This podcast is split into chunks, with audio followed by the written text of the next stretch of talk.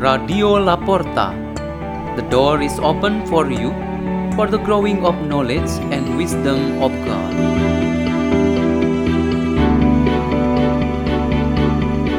Delivered by Ezra Siregar and Hendrik Fery Waloni from St. Peter's School in Jakarta, Indonesia.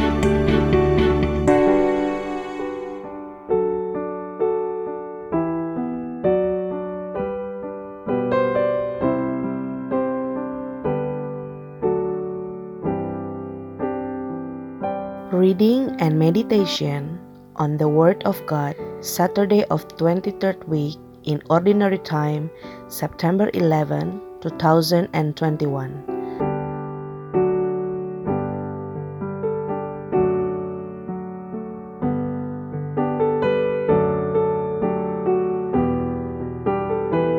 The reading is taken from the Holy Gospel according to Luke 6 43 to 49. Jesus said to his disciples, A good tree does not bear rotten fruit, nor does a rotten tree bear good fruit. For every tree is known by its own fruit, for people do not pick figs from thorn bushes, nor do they gather grapes from brambles. A good person out of the store of goodness in his heart produces good, but an evil person out of a store of evil produces evil, for from the fullness of the heart the mouth speaks.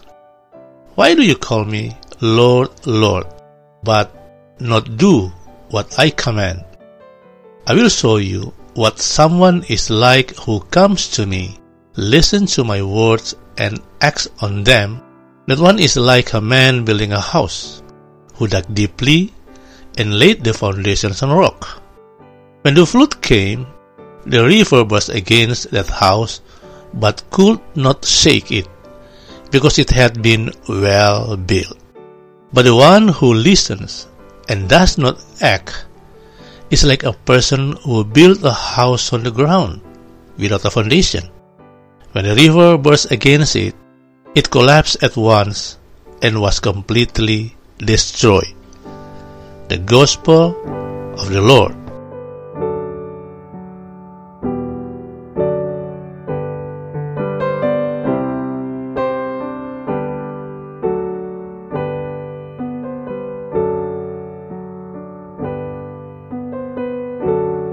Our meditation today has the theme A Gift from a Kind Heart.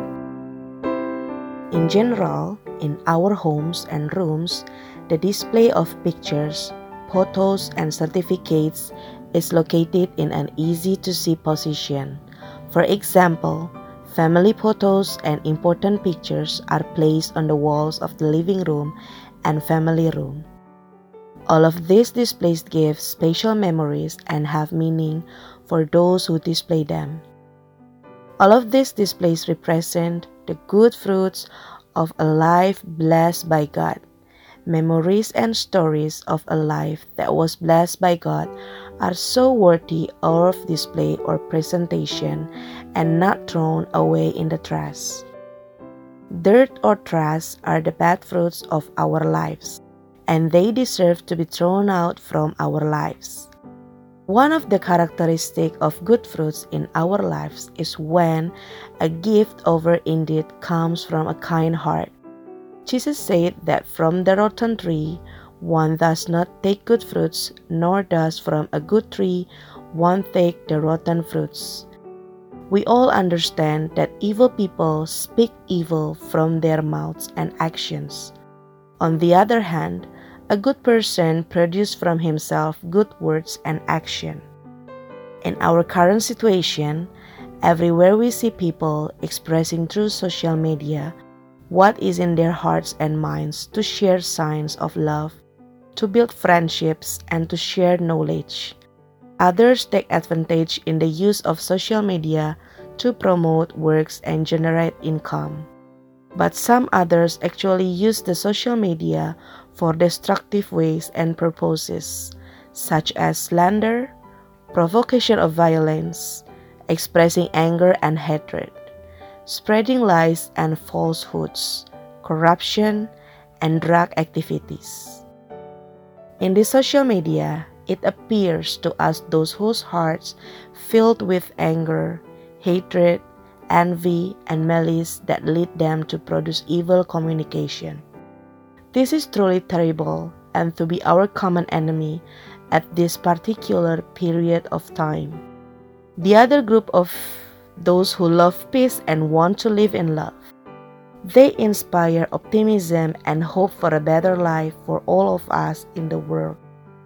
If we think of a way out or at least an approach to our world of communication which is divided into two, so that they can be united in goodness. We all expect to happen. St. Paul offers us one suggestion, namely for those who bear good fruit to keep showing good examples that they have been practicing in their lives. They should continue to avoid laziness, boredom, and failure to give good influence, including in the use of social media. The more good influence is given, the better life will be. Let's pray. In the name of the Father, and of the Son, and of the Holy Spirit. Amen. O good Father, fill us with your grace, so that we may always produce in us good fruit through our words and actions. Glory be to the Father, and to the Son, and to the Holy Spirit, as it was in the beginning, is now, and ever shall be, world without end. Amen. In the name of the Father, and of the Son, and of the Holy Spirit. Amen. Radio La Porta. The door is open for you.